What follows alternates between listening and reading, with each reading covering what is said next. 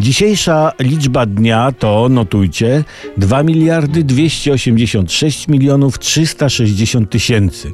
I słuchajcie, w tym kotle czarownic, w jakim ostatnio żyjemy, obchodzimy dziś 29. rocznicę powstania radia RMF FM.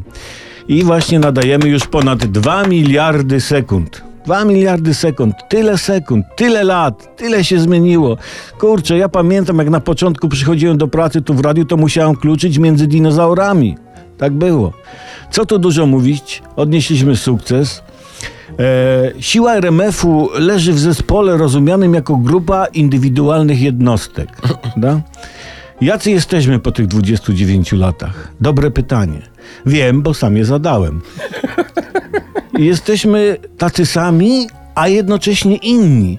Ja nie potrafię tego stwierdzenia w sposób przekonywujący uzasadnić, ale ono jest na tyle rocznicowe i wzruszające oraz nic nie mówiące, że je właśnie zostawiłem.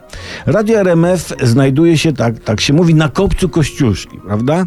I jest taki obraz autorstwa zapewne malarza o usypywaniu kopca Kościuszki, który to obraz obrazowo obrazuje sposób pracy w radiu u nas.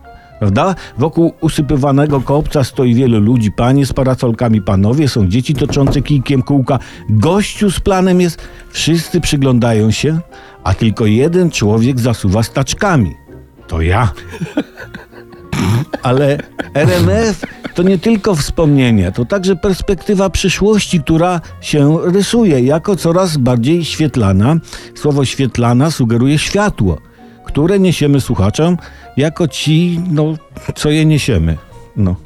Kiedyś ktoś zapytał pod 3322, jakie zioła hodujecie, że tak gadacie? Odpowiadam, rumianek FM.